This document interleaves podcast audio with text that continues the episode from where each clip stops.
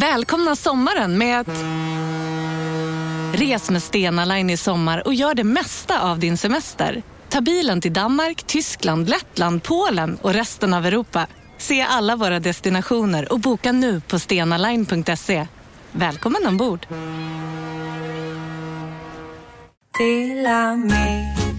Hej! Är du en av dem som tycker om att dela saker med andra? Då kommer dina öron att gilla det här. Hos Telenor kan man dela mobilabonnemang. Ju fler ni är, desto billigare blir det. Skaffa Telenor familj med upp till sju extra användare. Välkommen till någon av Telenors butiker eller telenor.se. Kolla menyn. Vadå? Kan det stämma? 12 köttbullar med mos för 32 spänn. Otroligt! Då får det bli efterrätt också. Lätt! Onsdagar är happy days på IKEA. Fram till 31 maj äter du som är eller blir IKEA Family-medlem alla varmrätter till halva priset. Vi ses i restaurangen på IKEA. Della Sport!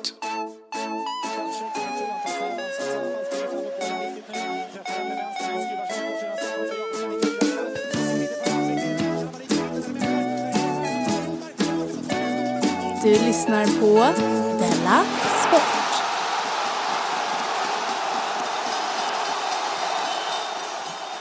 Hej och eh, välkomna till eh, Della Mond. Idag är det fredag, så då är det Della Sport. Den som talar heter Jonathan Unge. Vissa kallar mig Fuck Up.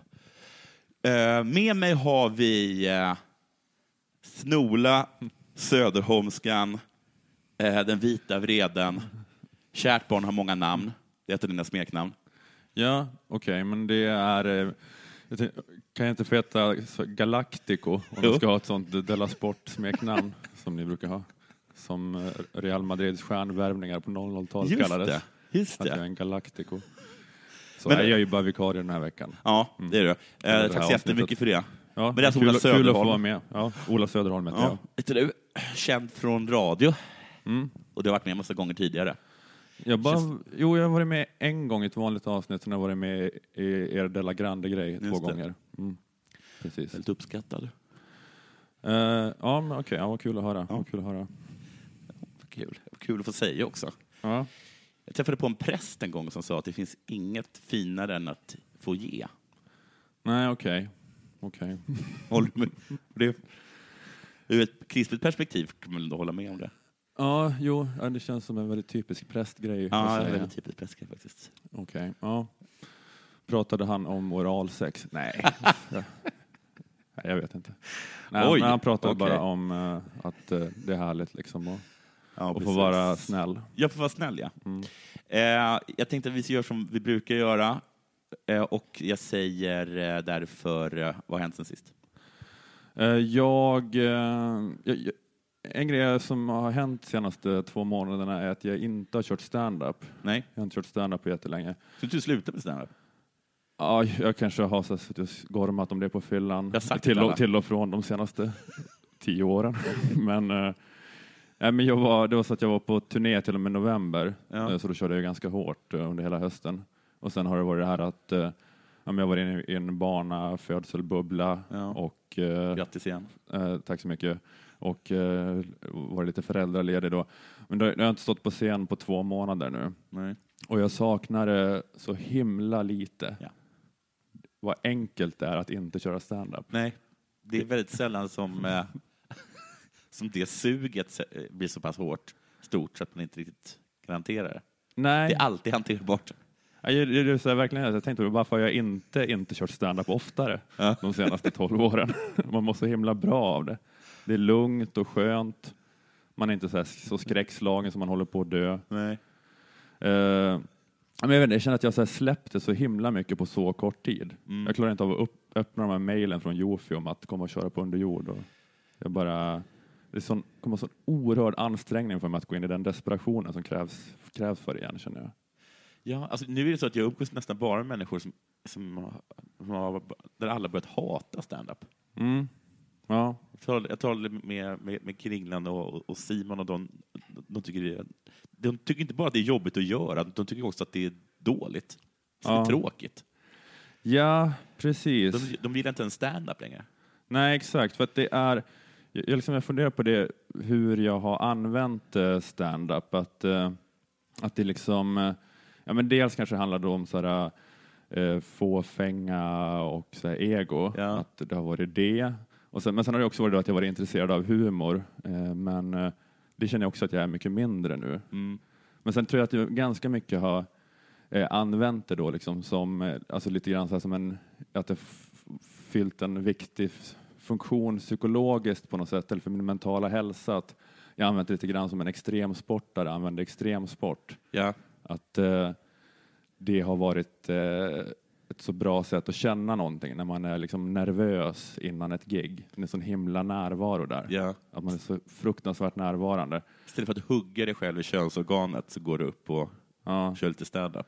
Exakt, och det har liksom, även om jag kanske börjar hata stand-up då rent konstnärligt mer och mer, så har det alltid hängt i. Mm. Att sådär, dåligt. Det, ja, men, det, viktiga, precis, det viktiga är inte att det blir bra, det är klart att det inte blir bra, det är ju stand-up, det är jävla smuts, det är bara smuts, det är skit. Det är klart att det inte är konstnärligt intressant, men att jag mår så jävla illa så jag håller Ja. på att dö Ja. innan jag ska gigga, det finns kvar. Och jag har liksom haft ett, något slags behov av det. Den jätte, att det en så himla bra distraktion liksom, Mm. från, eh, från eh, det här, jag vet inte vad, vad det nu är annars som tillvaron är. Men jag, jag vet inte ifall det kanske är då att jag, eh, jag vet inte, att jag, klarar av att känna någonting ändå nu. Eller att, eller kanske att jag, man kanske är lite så vuxen och man har en familj och jag vet inte, att det är mer då någonting man håll, höll på, det var mer rimligt då när jag inte hade något annat och det här, jag måste göra det här nu liksom bara för, Ja. att, eh, för att komma in i den. Det skulle Ja. fylla, en, fylla en sorts tomhet då, kan man kanske säga. Då. Men nu ja, så... det låter så himla Ja, töntigt låter och emo när jag säger det. Ja, men vadå, men vadå, lite- ja, ja. det, det kanske ja, jag vet Ja. inte. Men nu så är det som, eh, du har inte tid att fylla någon tomhet för att det det är så jävla packat allting. Mm, exakt, ja, ja, jag, jag vet inte. Jag vet inte vad det är, men det jag tänkte på är att det känns lite, att jag får lite så här, också existentiell ångest av att komma på det här nu. För det är så många år som har gått. Ja, att- Jag, jag håller på med stand-up för länge för att sluta. Det är så himla du, dumt eh, att sluta nu. Men kommer man se dig liksom i olika aulor eh, på- olika skolor där du åker runt och gör inte, gör inte som jag. Som man träffade på liksom alkisar eller narkomaner som kom och berättade. Uh, hörni, börja inte med hårs. Och man tänkte, nej, det hade jag inte, en, hade inte tänkt.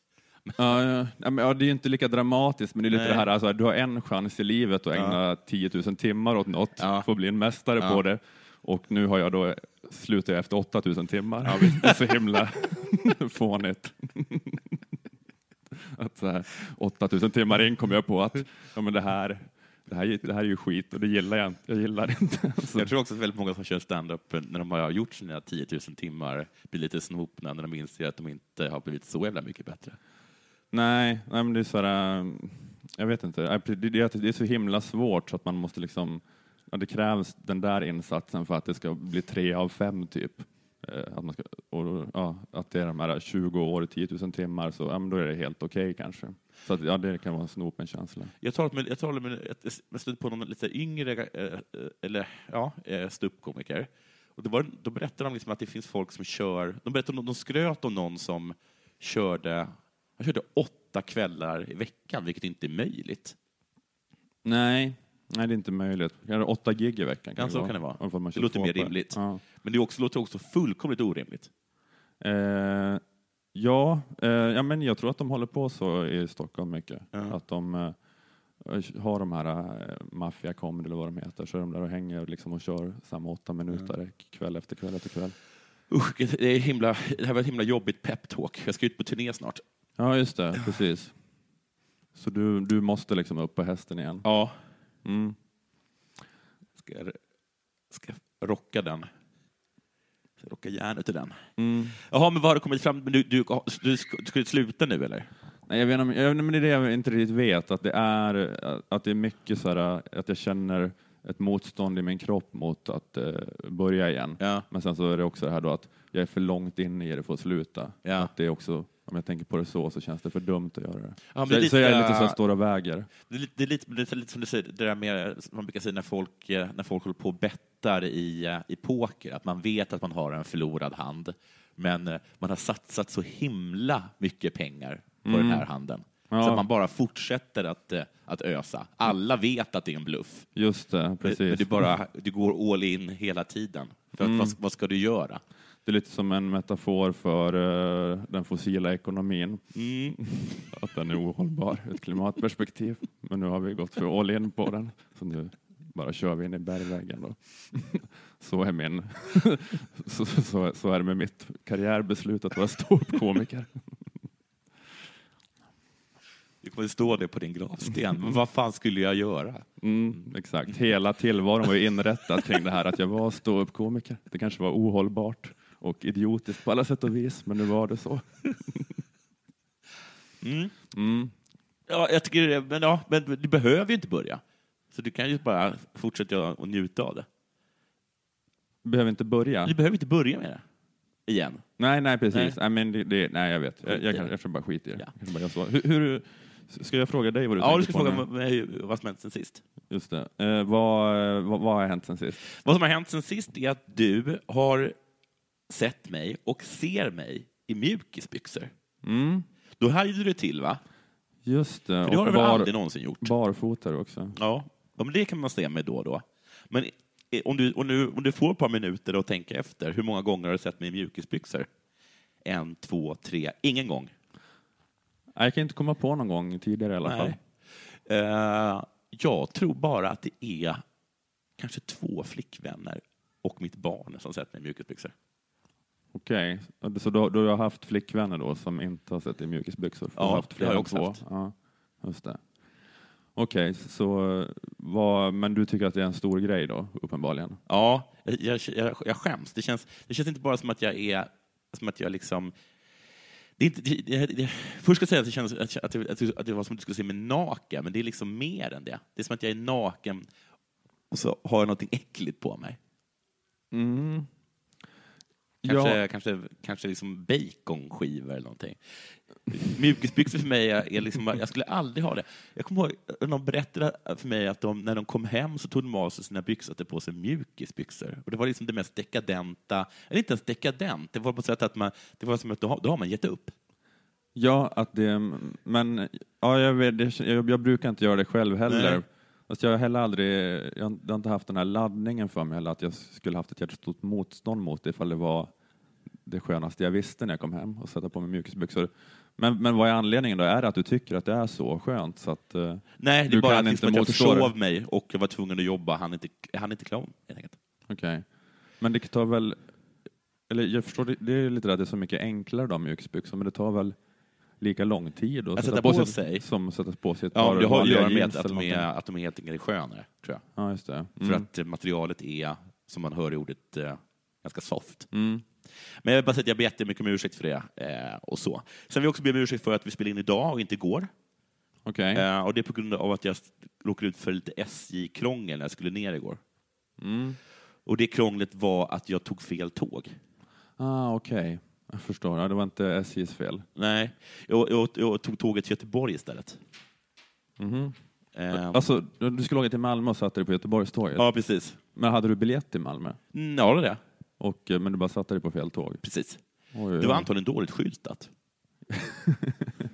Ja, ja, det är svårt att tänka sig vad det annars skulle kunna ha varit. Nej. Som, De, vad heter det? Oj, vad de skrattade i, i vagnen. Jag lyckades också med, och där märker man hur mycket självförtroende ger, att det, det, jag satt på en plats och så kom en person och sa att det där är min plats. mm. Var jag på och sa, "Nej, då har det blivit något fel, för här sitter jag. Ah, okej. Ja. Du, Den, den, du gick liksom eh, all, all in där att stå på dig. Ja. Så att eh, du, du, du peggade upp för ett ännu större fall. precis. Än, det hade varit ett ganska- det var ett ganska stort fall överhuvudtaget att satt sig på fel tåg, men det blir ännu värre när du har det där ingångsvärdet och att, eh, att du är så jävla kaxig. Ja, Liksom, med att extra. Här, har vi, här har vi en som sitter och vet eh, vad som eh, pågår. Så den personen gick omkring då, st- stod väl mellan vagnarna och sånt där gissar jag. Ja, den, den eh, liksom gav med sig? Ja, den gav sig. Okej. Och, och, men sen eh, kom en konduktör och Sen kom konduktören och då började alla skratta. Okej. Och sa det ganska högt också. Aha. Visade ty- nästan upp mitt, eh, min biljett. Pekade. och sådana saker. Okej. Men då, så, eh, då tyckte jag det var lite skämmigt och då valde jag ehm, att, eh, då valde jag att tackla det genom att säga ha, det är inte första gången. Första gången det hände dig eller som det har hänt någon på... Det hände mig. Jag tror, det här är, jag tror det här är tredje eller fjärde gången det hände mig. Det, det är det på riktigt? Ja. Okej. Ja. Det beror ju till stort, stor del då på hur uselt skyltat det är. Okej, men vad, du liksom sa det som en sån här... äh, äh, att, äh, som en liksom comeback till någon som skrattat. Ja. Det här är, det, det är verkligen orimligt att skratta åt det här, för det är ingen, det är ingen ovanlig händelse. Att, Nej, precis. att, att du liksom återerövrade värdigheten så. Ja, jag vet inte om det funkar, men, men det var i alla fall det, det val jag gjorde. Du var, Ha i minnet att jag var tvungen att ta det här beslutet under stor press. mm, ja, jag vet. Ja, men, precis. men då satt det liksom på ett tåg så att du hamnar Ja. 50 mil ifrån din Ja. destination och sen så skrattar folk åt det och då ställer du dig upp och skriker. Mm. Det här gör jag hela tiden. Sen, då- sen när hon var klar med mig och gick längre ner, då fick jag en ny idé och så eh, liksom, sa jag ganska högt till henne, jag gillar Göteborg. Till konduktören. Ja. så, jag känner nästan som att jag vann. Det här är verkligen sånt där äh, tillfälle då jag tror att den bästa strategin, den Ja. bästa krishanteringen är inte offensiv som du valde, utan det är defensiv. Utan det är bara liksom... jag, jag tror verkligen att det hade varit bättre. Ja, till exempel till, så här, skratta åt dig själv. Till Ja, exempel. det, det, hade, det hade kunnat vara en, Ja, det ser så. en Jag- framkomlig väg. Så här, att, att, än, att liksom, än att börja lipa och slåss. För jag i min efterklokhet tyckte att jag inte gick tillräckligt fullt ut. Att jag, att jag borde ha sagt typ toppen! Eller någonting sånt. Eller liksom, är det här min jävla lyckodag eller? någonting sånt. Men, men, då kan jag, Du gå, på, liksom- då kan jag gå på Liseberg. Istället för att hämta mitt barn. Ja, det finns, ja, ja, det finns precis. Ja, men det, du har haft sådana fantasier Ja. om, om eh, ännu bättre liksom, comebacks. Du tar upp en vit handske och daskar den i ansiktet på konduktören. Krävt att få mensurfäktas med henne. Eventuellt, eftersom det gick så himla bra med den personen som, vad heter det, som jag lyckades lura bort från sin egen plats, att jag bara skulle varit eh, också så här, Men- nej, jag- det är Malmötåget. Men återkom inte den personen då? Nej, det var så himla sorgligt. Jaha, okej, för den fick aldrig upprättelse? Då. Nej. Det var ju för väldigt skönt på det sättet. Gud, att få vara tvungen att ta, vara tvungen att ta det. Men så att du, vad hände då? Åkte du hela vägen till Göteborg? Eller? Ja, det gjorde jag. Okej, på- och du satt på den platsen hela tiden? Mm. Okej, och så tog, tog du en ny biljett till Ja, så Göteborg? tog Malmö? jag, det tog en biljett till Öresundståget. Ja. Fick du betala, köpa biljett på tåget till Stockholm-Göteborg? Nej, eller det behöver man aldrig göra. Nej, okej. Så att de eh, håller inte på och strör salt i såren på det viset i alla Nej, fall? de strör ju salt i såren på det sättet som väldigt högt talar om att man sitter fel. Ja, just det. Så det är väl, det är väl den nivå på salt de är tillåtna att ge. Så, man skulle kunna få välja mellan eh, antingen köpa då en ny svindyr biljett med så här perrongavgift, det är ju jättedyrt att köpa det på Ja, tåget. ja. Antingen betala 2000 och så sköter vi det diskret. Eller så, så här, skriker jag ut det till hela Ja, vagnen precis. vilken De- sopa du är. De lutar sig fram och viskar två alternativ Ja. till den. Sen har man en 30 sekunder på sig att ta, att ta, att ta sitt beslut. Mm. Du, nu tror jag att det är dags för det här.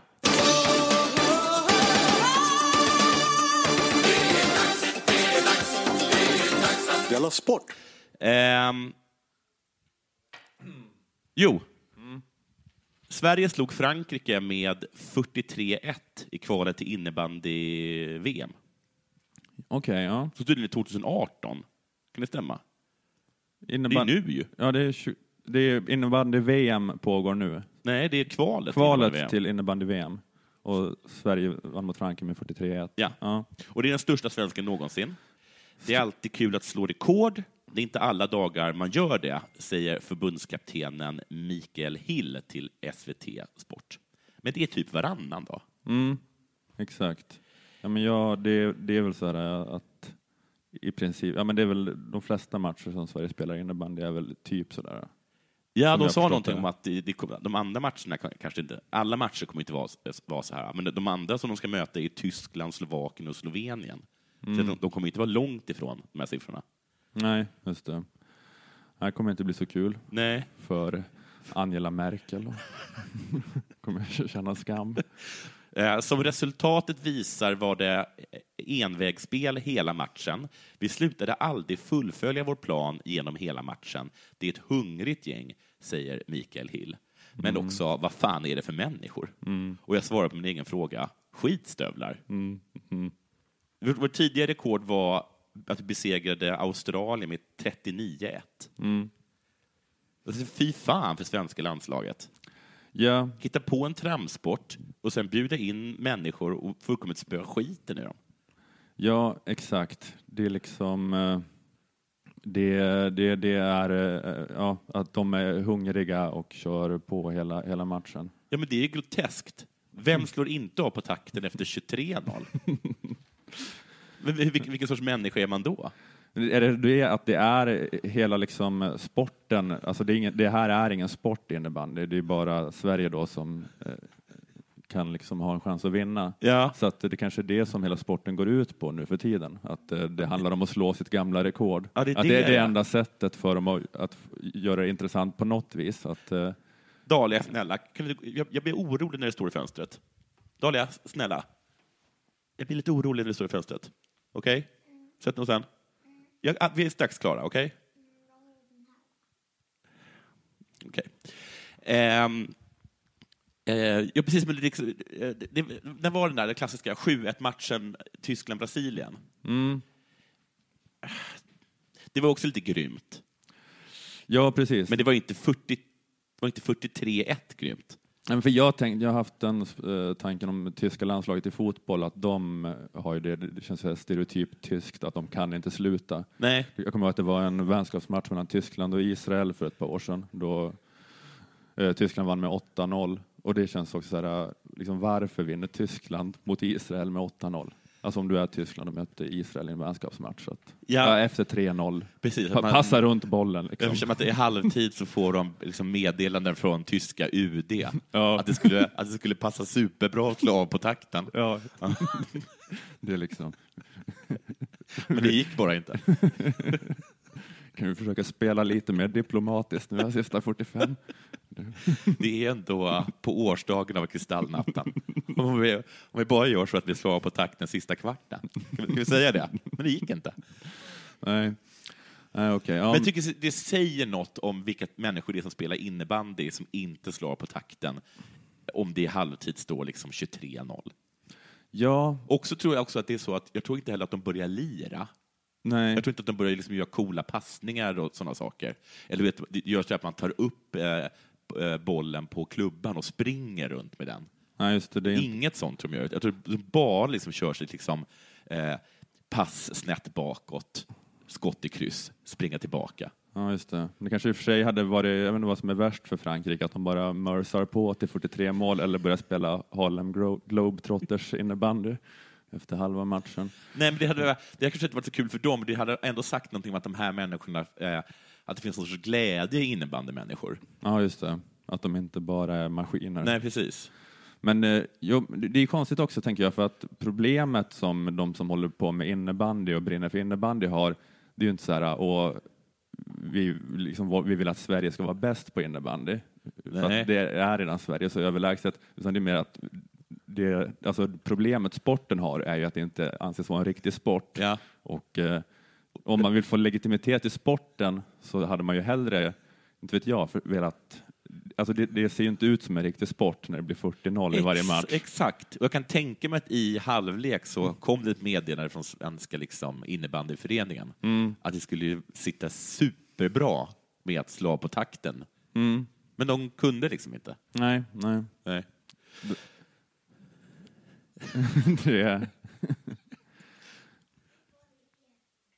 Jag har gömt den för att du inte ska kunna höja ljudet så mycket. Och nu vet jag inte heller var den är. Snyggt. Hej då. Eh, så, eh, det var det. Eh, det är något sjukt med innebandyspelare. Har du någonting? Eh, ja. Eh, jo, i eh, söndags så var det final i handbolls-EM. Ja. Sverige förlorade mot Spanien. Ja, får jag ställa en fråga där bara, snabbt inflika in? Mm. Så här kanske alltid har varit, men, eh, eller jag kanske bara lurar mig själv. Men är det så att vi inte kan vinna finaler längre? I, i, någon, i någon sport? Mm. Har, har, har, inte. inte, har inte småkronorna varit i final varenda år och fått stryk? Ja, småkronorna är ju notoriska för det. Däremot vann ju Tre Kronor den här matchen då Henrik Lundqvist räddade avgörande straffen. Var det någon är det VM eller? VM-guld, typ. Ja, det var- det kanske var okej. senaste VM. Ja, det var ju ja, det var det nog. Ja, Det var så himla typiskt att vi skulle spöa Danmark och inte kunna spöa Spanien. men det finns väl så hård, hårda siffror på det om man ser hela OS-historien. Ja. Så här ande, valörer på medaljer, guld, silver, brons. Så har ju Sverige tagit väldigt mycket mer silver och brons procentuellt sett Ja. än guld. Eh, Men om du kollar till exempel kanske på amerikanska idrottare så är det såklart tvärtom. Eh, Pinsamt. Och, eh, ja, just det, för jag lyssnade på ert förra avsnitt och det här med medaljmålet, att det viktiga är medaljer bara. Ja. Och, eh, men andra länder kanske säger, vi ska, det handlar ju om guld. Ja, vi ska ha fem guld, säger de. Ja, precis. Så det är ett, ja, men det är ett, eh, precis, vi är ett eh, land av patetiska förlorare Ja. som inte fattar att eh, silver är samma som att komma sist. Det så- First loser. Det är som också inte har fattat att ett guld eh, slår tio silver. Gör inte det i medaljligan? Ja, just att guld trumfar alltid. Det, trumfar, allt. Ja, precis. Så, då, så liksom om, eh, så är om det kanske. Zimbabwe får en guldmedalj i... Det där var för att uppmärksamma er på att McDonalds nu ger fina deals i sin app till alla som slänger sin takeaway förpackning på rätt ställe. Även om skräpet kommer från andra snabbmatsrestauranger som exempelvis Ma... Eller till exempel Burger... På Storytel. En natt i maj 1973 blir en kvinna brutalt mördad på en mörk gångväg. Lyssna på första delen i min nya ljudserie. Hennes sista steg av mig, Denise Rubberg. Inspirerad av verkliga händelser. Bara på Storytel. Om en så vidde på väg till dig för att du råkar ljuga från kollega om att du också hade en och och innan du visste ordet av du hem kollegan på middag och... Då finns det flera smarta sätt att beställa hem din sous på. Som till våra paketboxar till exempel. Hälsningar Postnord. i OS nu Mm. eh, i Sydkorea så kommer de ligga högre upp än oss. Trots våra liksom, drivor av skidskyttebrons. Ja, precis. ja, Precis. Just det. Ja, ehm, men, då, men det är i alla fall så... Man borde, jag tror svenskar är dåliga på att skämmas över att komma tvåa. Att det, att det, det är alldeles för mycket där att folk som, som vinner OS-silver sen får Jerringpriset och sådana saker. Mm, jag vet, det, det, så borde det inte få gå Nej, till. nej, nej. Vad sen det är för signaler? Det är Förlåt. bara att svenskar, jag vet inte, svenskar kanske gillar ädelmetaller, punkt. att det bara är. det är liksom så fint att bara fått ett stycke Ja. ädelmetall. Så gav man mig en ring i ädelmetall. Du må tro att jag blev glad. Ja, men det är så nu igen då med det här att de flesta, till exempel Aftonbladets handbollskrönikör Johan Flink, de är överens om att Sverige inte förlorade ett guld utan vann ett silver. Ja. Eh, För det har då under lång tid varit så att eh, vi inte har varit bortskämda med framgångar i handboll. Som det Nej. var på 90-talet då vi var små och unga under Bengan Boys glansdagar. Ja. Den var, det de älskade ju, för de vann ju guld. Ja, precis. Förutom i OS. Just det, Och därför kanske. kan man inte riktigt Mm. älska dem. Nej, just det. Det är det här att det är eh, precis, det, det, det, är något, det är något som fattas där Ja. eh, för att det ska bli en helgjuten känsla eh, för det laget. Men, ja, men, nu- men nu har vi då tydligen fått fram det bästa laget sedan dess. Ja. Tydligen. Ett ungt, talangfullt lag också. Johan Flink skriver att framtiden tillhör Sverige. Okej, det känns bra. Och jag borde ju vara överlycklig, Mm. för jag är generellt sett ett väldigt patriotiskt sportfan. sportfan. Ja. Eh, älskar att heja på Sverige. Eh, vill alltid kolla när det är Sverige. Men jag såg inte den här finalen i söndags. Nej. Eh, jag såg ingenting av den här turneringen. I söndags då när Sverige spelade sin största handbollsmatch sedan Bengan Boys glansdagar. Då satt jag och kollade fotbollsmatchen Barcelona-Alaves på en full stream. Mm. Hejar du på Guidetti? då? Ja, för att jag, John Guidetti spelar i Alaves nu, så jag hejade på Sverige så istället. Ja. Eh, och det, men det säger väl något om vad jag tycker om handboll. Att jag ändå är så patriotisk Men jag väljer ändå bort en jättepatriotisk händelse i handbollsvärlden för en bara lite patriotisk händelse i serielunken i spanska ligan. Ja. För att, ja, men jag har en så här stark spaning om handboll eh, som är att eh, jag tycker att det är en ganska stark spaning. Det är att handboll är för vagt och godtyckligt för att man ska kunna engagera sig. Jaha, hur då? Ja, men för det som händer när du ser handboll, eh, det är att, eh, att det allt som oftast blir krockar och kroppskontakter mellan spelare i anfallande lag och spelare i försvarande lag. Ja. Du vet, anfallande laget står och passar runt i den här halvcirkeln Mm. som är utanför försvarande lagets halvcirkel. Men så plötsligt försöker en anfallare göra ett inbryt. Han tar ett steg in i försvarsmuren och då blir det någon slags krock med försvarsspelare. Och det som kan hända då, det är att domaren blåser för straff, Mm. frikast, gult kort, utvisning, offensiv foul, alternativt inte blåser alls. Och det är helt slumpmässigt vilket av det det blir. Ja, vilket humör han är precis då.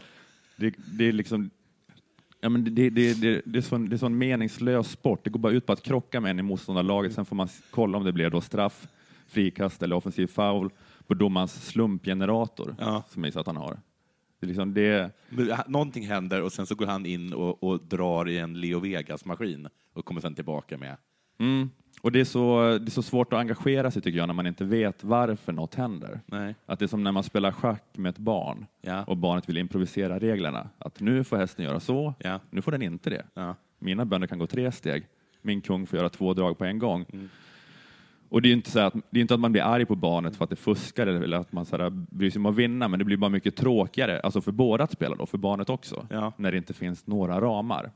Man kan inte, uppbå, man kan inte uppbåda något engagemang för händelserna eh, när det liksom uppenbarligen är så att vad som helst ändå kan hända utan någon synbar förklaring eller logik. Mm. Eh, och så är handboll.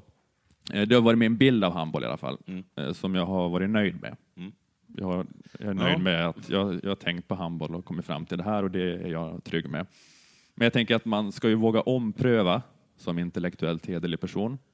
Så jag tänkte inför det här att jag skulle ge det ett ärligt försök att förstå reglerna. Mm. Så jag har googlat lite grann på handbollsreglerna. Eh, straffkast till exempel. När blir, när blir det straff och inte frikast? Det kanske var om, det var, om, om, den andra, om, om försvararen ram... Eller om, om den andra... Om, om, om man drar ner någon, drar i tröjan. Ja, det är väl en gissning så god som någon. Det, nej, men det står så här att eh, straffkast döms vid Straffkast döms vid regelvidrigt omintetgörande av klar målchans. Just det. Och det kan ju i handboll vara vad som helst. Ja, är det inte hela tiden nästan Ja. klar målchans i handboll? Så fort någon har bollen så är det, så är det egentligen... eh, Ja, men de är så fem, sex meter från ett jättestort mål. Ja, och ganska precis ja. Skitenkelt att kasta in bollen i det målet. Alltså, så, alltså var, så varje gång någon spelare går mot målet och blir lite ruffad av en försvarare så är ju det, det här var ju en supermålchans som liksom som ni omintetgjorde. Ja. Det borde ju alltid vara straff. Men ibland är det då frikast. Obegripligt. Ja, det är obegripligt. Helt obegripligt. Helt jävla obegriplig sport.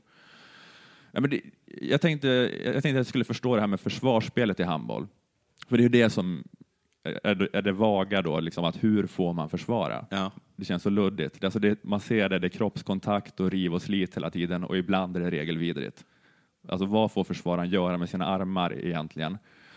Eh, och, eh, jag hittade då ett Youtube-klipp som heter How to be a defender in handball. Det förklaras då vad man ska göra som försvarare. Eh, Det, det för- det förklaras då vad man ska göra som försvarare när ens motståndare försöker skjuta. When an attacker looks like they want to shoot, touch either their hip or shoulder, or even both, to prevent them getting a clear throw. However, you cannot touch their arm as this is a foul. Det är alltså när en anfallare ser ut som att den försöker skjuta, Ja. tar då på dennes höft eller axel eller båda för att hindra den från att få ett rent kast. Ja, men inte Ja. armen. Nej, du kan inte ta den på, dem på armarna för då är det, då är det foul. Är det båda armarna då? Eh, båda armarna? Ja, eller är det bara handen, armen den har bollen i? Ja, just det. Ja, jag vet inte, det står ju armarna här. Ja. Så att jag, liksom, jag antar det att det, det är ingen eh, armkontakt alls menar de då. Nej. Ingen handpåläggning på den andras arm överhuvudtaget. Gissar jag att den här eh, i videon menas. Men för det, det är det man ser att de gör hela tiden i handbollförsvaren, att de håller på att småknuffas på anfallarna hela tiden. Ja. Eller hur? De knuffar på höften då. Ja, det är så det ser ut. Men det är då att de gör någon slags handpåläggning på deras axel och eller höft hela Mm. tiden. Eller båda. Ja, precis. Ja, så, så är det och Ja, eller. just det. Förlåt. Ja. Lyssna på mig. Nej, men för det är... Ehm, så, jag är väldigt skön. Som ni märker, jag är väldigt, väldigt skön, skön kille. Nej, men för det är så... Eh, ja, men det är då ett effektivt... Det är så man försvarar. Det är så distraherande då, antar jag, när man ska skjuta, att någon klappar en på höften hela tiden. Eh, att det är... Och axeln. Och man ham, och, men ham, hamnar de bara några centimeter för långt ner med sin axelknuff, alltså ner på något som kan definieras som arm, och då får jag då straff eller frikast. Det är himla kaxigt att det är just axeln är okej. Ja. Den är så himla nära oftast armen. Ja, exakt. Den är inte... Det har varit bröstet istället eller något sånt. Men det, att det att så himla, himla... Att de verkar hitta den kroppsdel som är absolut närmast det man verkligen inte får röra. Ja, för det här med axel och överarm är ju svårt. Det kan ju uppstå i fotboll också, det där med när är det hands, liksom. Ja. hur högt upp, när är det axel och när är det hands. Att det, är, det är rätt svårt, så att det är en väldigt... eh, Ja, ja, precis. Det är en rätt, eh, alltså med tanke på att de liksom är så här nära varandra och river och sliter och tar på varandra. Det, väl, det kräver ju väldigt mycket av domaren där känner jag. Då, Ja, att precis. Se att den inte glider någon centimeter ner för långt. Att det bara är eh, handpåläggning på de kvadratcentimeter utav anfallarens kropp som är okej. Det är också ett bra argument mot den här teorin om intelligent design. att eh, man sätter inte axeln så jävla nära då, om det är så smart. Va? Det, det är mer teologi. Ja, okej. Ja, ja, Fortsätt. du menar så. Ja, precis. Att det är ehm, eh, om, man, om man diskuterar med någon religiös person. Ja, precis. Mm. Men, ehm, nej, men då får jag... eh, ja, precis. Men om det, kommer liksom för långt ner, om, om, man, om man med sin axelhandpåläggning hamnar för långt ner och hamnar på armen, då, då får ju jag då som anfallare straff eller frikast. Som sagt, helt slumpmässigt omöjligt att avgöra. Men så det gäller då bara att hålla koll på hur försvararna tallar på anfallarna. Mm. Att de eh, lägger sina händer eh, på rätt kvadratcentimeter där, så, så kan man då njuta fullt ut av handboll, antar jag.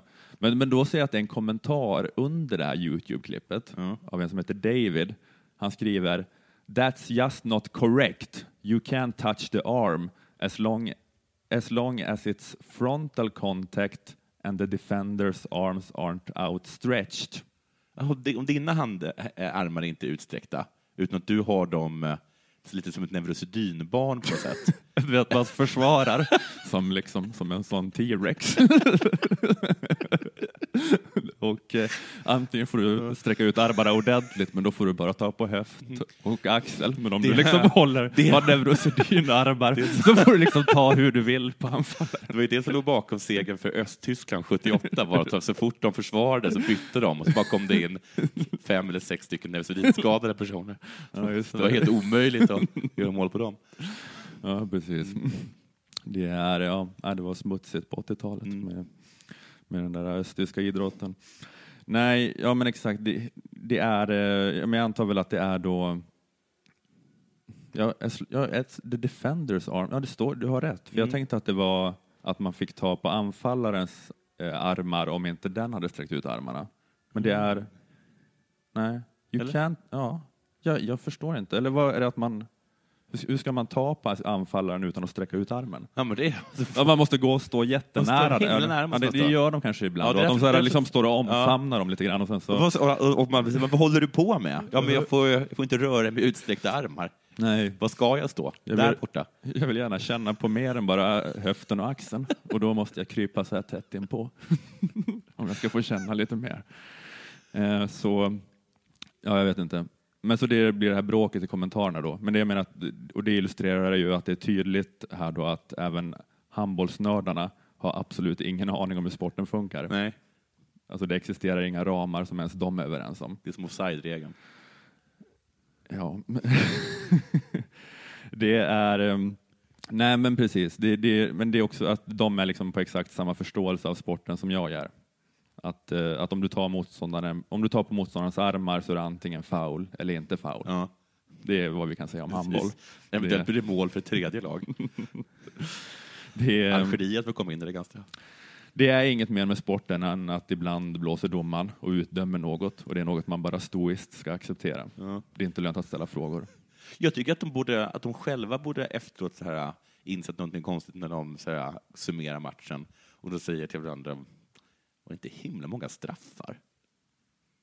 Att, eh, vad menar du? Att det, Det, är straff, det känns som att straff är någonting som man, liksom, som man liksom ska få för att man har gjort någonting vä- väldigt fel. Det kan inte vara en straffar i handboll, det är, det är, det är väl liksom 50 procent av målet känns som. Mm. Alltså, det, är som, det, det är liksom, det, det, det, det liksom, Men du menar bara att det borde vara mindre straff, utdömas mindre straffar i sporten överhuvudtaget då? I, i ja, handbollen? eller så är någonting fel. Om, om det blir så himla många straffar. Mm. Ja, Känner ja. jag då. Lite. Ja, jag vet inte, men de vill kanske bara att det ska vara så, eller? Ja, då måste de uppenbarligen vilja. Men jag tycker det är konstigt att, att, liksom att, eh, att man har som ett väldigt viktigt moment att göra mål är att se till att en försvarare stör en på ett sätt. På ett Ja, just sätt. det. Ja, precis. Att man sådär, eh, går in och blir foulad. Liksom. Ja. Och, eh, ja, just det. Han fixade en straff på det sättet. Men, ja. Ja, jag vet inte. Liksom, det känns som att, den, att det, det laget som har en bäst målvakt på att ta straffar är den liksom, som ligger superbra till. Mm. Ja, just det. För det. Det kan man ju säga att målvakten är den enda i handboll som liksom fyller någon funktion, som kan Ja. vara bra eller dåligt. För att där är det ju ändå att han kan rädda straffen kanske. Ja. Men alla utespelare... Alla andra var jämnbra. Alla andra är ju jämnbra för att alla andra har ingen annan uppgift än att krocka med varandra och sen se vad domaren bestämmer. Men, men målvakten är ju, kan ju fälla liksom en avgörande roll. För honom är det ju en idrott. För honom är det ju inte bara singla slant. Liksom. så har han liksom sex stycken flipperkulor framför sig. Ja, precis. Ja. Nej, men eh, i alla fall, det var bara det att nu har jag gjort då ett ärligt, hederligt försök och att förstå det här och faktum kvarstår att reglerna är för vaga och godtyckliga och det gör att eh, handboll är en skitsport som inte går att engagera sig i. Inte ens när man älskar Sverige så mycket som jag gör. Fan vad fint. Du prövade din tes och du kom fram till att du fick en high five. Mm. Ja. Precis. Mm, jättebra. Tack. Mm. Jag ska avsluta genom att läsa ett reportage eh, från eh, Japan. Mm. Är det OS nu? Om det är OS nu? Ja. Nej, just det, men det är det ganska snart i Sydkorea, va? Ja. Eh, Va, om, va, varför är landslaget i Japan? Vilket landslag? Skidlandslaget? Ja, Okej, de kanske bara har ett träningsläger där då börjar vänja sig vid tidszonen eller något. Jag vet inte. Men varför har vi inte träningsläget i Sydkorea? Det måste vara superjobbigt sen att åka till... eh, Måste man Ja, ta det är ju ganska nära. Ja, ganska nära. Det. Det är inte Det- så jävla nära. Väl? Inte, inte, liksom, det är inte Landskrona, Ystad. kanske blir för mycket kulturchock med Sydkorea direkt. Ah, Man precis, får ta, att de, ta eh, Japan först. Okej. Ja, men Eh, det det här man- med sushi är jag ju rätt van vid, även som så här skidåkare från inre Norrland. Men det här med bim bimbap. Ja. Nej, nu blev det lite väl mycket. Men att, jag tror också att, att du att du har helt rätt, att de, att de har börjat med, för de verkar vara superkänsliga, skidåkarna, att, eh, att de började med att alla fick vara två dagar på vad heter det, Yasuraji, det här spaet. Mhm, så jag okej. tänker på, så här kan det vara. Så kan, lite så här kan det vara. Och sen, Prova sätt på dig kimonon nu, eh, Stina. Alltså, Nej, det blir, det vet blir inte. konstigt. Ja, men vet du vad, I- idag behöver vi inte ha kimono. Men tror jag imorgon, va? Så Mm. kanske vi sätter på oss ett litet tag. Så vi sakta men säkert. Men jag tror faktiskt att, att, att, det är så. Så här står det i alla fall. Japanska gäster trippade omkring i sandaler och kimonos. Och mitt ibland alla eh, dem ett gäng skidåg, skidåkare som laddade inför OS. Läget i Japan, eh, lägret i Japan hyllas av åkarna. Jag fick en bra känsla så fort jag kom in på det här hotellet. Det är harmoniskt, stillsamt och det finns fina spår. Det har varit nästan en sådan här sol hela dagen, säger Stina Nilsson. Nästan en sån här sol. Mm. Jag vet inte vad jag menar med det. Nej. Ehm, men du förstår väl hur oerhört viktigt det är med känslan. För sen kommer det. För allt verkar ju bra. Samtidigt finns det utmaningar. En mystisk lukt har stört några av åkarna på deras hotellrum. Kalle Halvarsson har känt av den främmande lukten. Eh, Det är en fuktig luft, men det är lugnt, sa han igår. Kalle är landslagets egna lilla stoiker, som ni hör. Ja, det här stod inte i texten. Jo, nej, det som jag skriver om stoikerna. Nej, det har jag skrivit Nej, ja, just det, precis. Mm. Men så här är det med Kalle. Hur är sittdynan, Kalle? Ganska mjuk, men det är lugnt. Så, sån är Kalle. Ja. Han gnäller inte i onödan. Fast han gnäller. Ja. Men det är lite så här. Ja. Nej, det är ingen, nej, det är ingen fara. Ja. Och mjukisbyxorna är med. Han säger det men säger inte hela tiden. Att, att han tycker att något är jobbigt. Ja. Eh, Men under fredagen berättade landslagsläkaren Per Pliggen Andersson att de bytt några av hotellrummen. Det var en stark lukt i några av rummen, så vi bytte och hittade rum som åkarna upplevde som bättre. Mm. Upplevde, så att det här är ju bara något i deras egna huvuden. Ja. Herregud, vilka primadonnor de är. Ja. Han fortsätter. Jag har ingen oro för att det finns en utbredd... Att det, jag har ingen oro för att det finns en utbredd mögel, fortsätter Pliggen. Det har ju ingen annan heller. Är det, är det så de har beskrivit lukten, Ja, det- åkarna? ja, att det, det var- luktar som att det kanske är Men mögel det kommer här? in liksom två, tre stycken antiloper i ett rum och eh, så får de för sig att, det, att, det, att de känner en fuktig lukt. Mm. Och, då- och då kan de inte hantera det helt enkelt. Och, då, och han är mer en, som, av en sorts psykolog då, gissar jag, än en läkare. Mm. Utan det, ja, men det, om du upplever att det är en fuktig lukt, Ja, just då är det väl antagligen en fuktig lukt. Och så får de byta, och då upplever de att det inte finns en sån där då. Men det kanske är det är att längdskidåkare är tokiga inför mä- mästerskap och då har man som uppgift att bara liksom följa deras små nycker för att Ja. de är så här, framförallt de då extremt rädda för förkylningar. Och så Ja. och, ja. Ja, men det är exakt så. Att det gäller, jag tror bara att de går omkring. Jag tror att de tog då Stina Nilsson, så de säkert då kanske upplevde en stark fuktig lukt. Och så sa de, ja men då byter vi rum. Sen gick de med henne ett varv, kom tillbaka till samma rum och där upplevde hon då att det, det här fanns ju ingen fuktig lukt. Nej, Alltså det, det. de är bara de är galna liksom. Mm, mm. Eh, men eh, vi bytte rum som försiktighetsåtgärd. Åkarna ska känna sig trygga i sitt boende. Det finns en oro för allting. Och det eh, vill förbereda sig bra, säger landslagsläkaren Per Pliggen Andersson. Mm. Allt. Det här är inte den enda, det enda hindret. En annan utmaning är hissen. Den är fullpackad om morgnarna när åkarna ska till våning två och äta frukost. Ah. Mm. Eh, Det märks att det är lite olika kulturer. Om man är i Sverige märker man så tar, eh, om, man är, om man i Sverige märker så tar man nästa hiss när det är mycket folk. Konstig mening. Här packas det in. Mhm, Okej. Ja, Och som- då blev de, eh, då kan du ju tänka att de blev oroliga. Ja. Ja, precis. För då, för då är de jätterädda att stå nära eh, olika japaner som andas. På Jaha, så här gör man i Japan. Okej, i Mm. Sverige så. Ja, men det tycker blir jätte... Samtidigt är japaner, kan man säga, hygieniska. kan man säga det? Är de sjuka? Har de munskydd på sig? Det känns som att vi är på rätt ställe, säger Anna Haag då. Ja, ja, ja. Ja, just det. Det är egentligen ett paradis för längdskidåkare. att där alla ska alla ha är. munskydd hela tiden. I, eh, I Japan är alla skidåkare. Mm. Alla är oroliga för allting. Mm. Eh, Hon är dock inte orolig. Det finns gränser för hur hypokondrisk man kan bli. Jag har varit ensam i Alperna, så det är väl bra att jag får en liten eh, dos av folk. Man måste hitta en rimlig nivå på hur försiktig man ska vara. Just nu tycker jag att vi hittat en rimlig nivå. Det får åka hiss, påpekar Per eh, Pliggen Andersson. Någon, alltså det, man hör ju att de har någon gång sagt att eh, nu, har vi, nu är det inte rimligt längre. Nej. Nej. Nej, precis.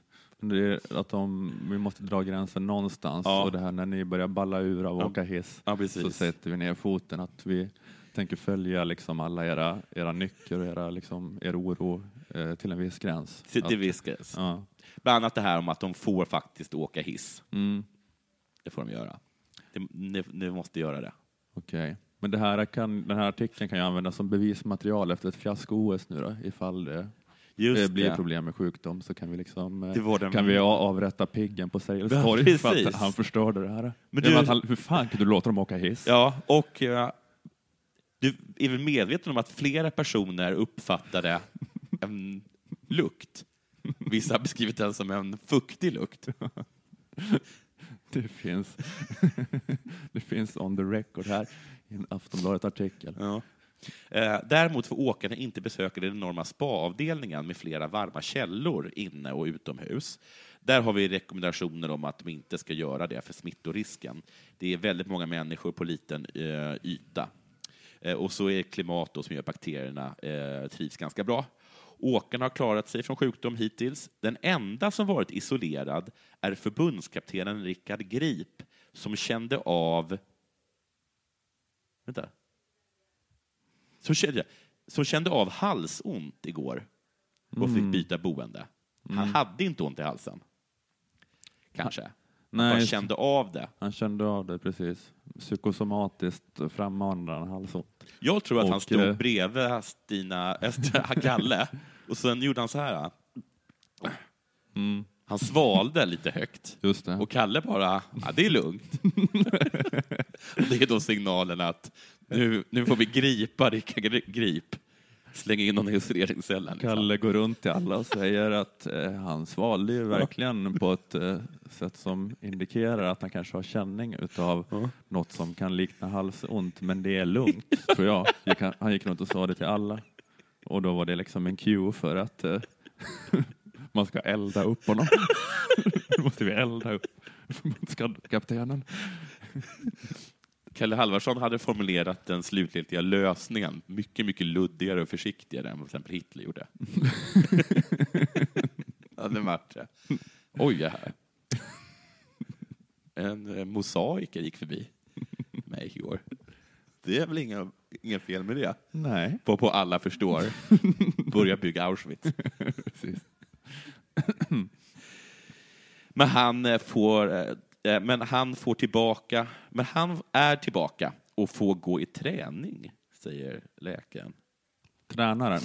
Inte han förbundskapten? Förbundskaptenen, okej.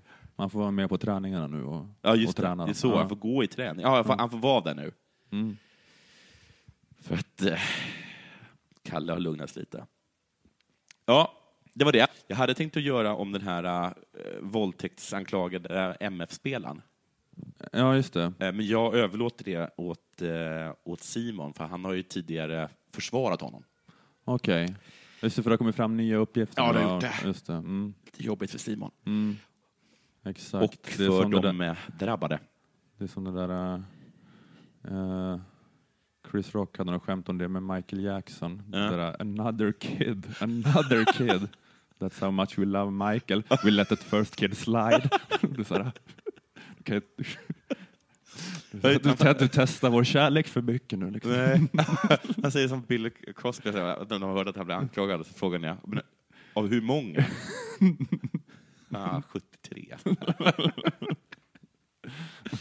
Eh, Men jag ska också eh, eh, eh, bara informera och göra reklam för vår eh, specialpodd Della Pappa, eh, som man kan eh, eh få på premium.underproduktion.se. Jag tror det kostar en liten slant. Det är det väl värt säkert. Eh, och sen så vill jag själv, göra reklam för sämst.se, som är hemsidan där man kan hitta biljetter till eh, min och Ahmed och Brannes kommande eh, turné. Eh, Ola, tack så jättemycket för att du kom. Mm, tack för att jag fick vara med. Eh, och eh, puss och alla, vi hörs. Du lyssnar på Della Sport.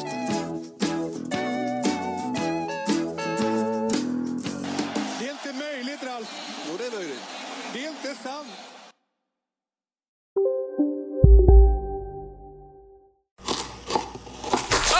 Dåliga vibrationer är att skära av sig tummen i köket. Ja! Bra vibrationer är att du har en tumme till och kan scrolla vidare. Alla abonnemang för 20 kronor i månaden i fyra månader. Vimla! Mobiloperatören med bra vibrationer. Hej, Susanne Axel här. När du gör som jag och listar dig på en av Krys vårdcentraler får du en fast läkarkontakt som kan din sjukdomshistoria. Du får träffa erfarna specialister, tillgång till lättakuten och så kan du chatta med vårdpersonalen. Så gör ditt viktigaste val idag, listar dig hos Kry. Demideck presenterar Fasadcharader. Dörrklockan. Du ska gå in där. Polis? Effektar? Nej, tennis tror jag. Pingvin. Alltså jag fattar inte att ni inte ser. Va? Nymålat! Men det var många år sedan vi målade. Demideckare målar gärna, men inte så ofta.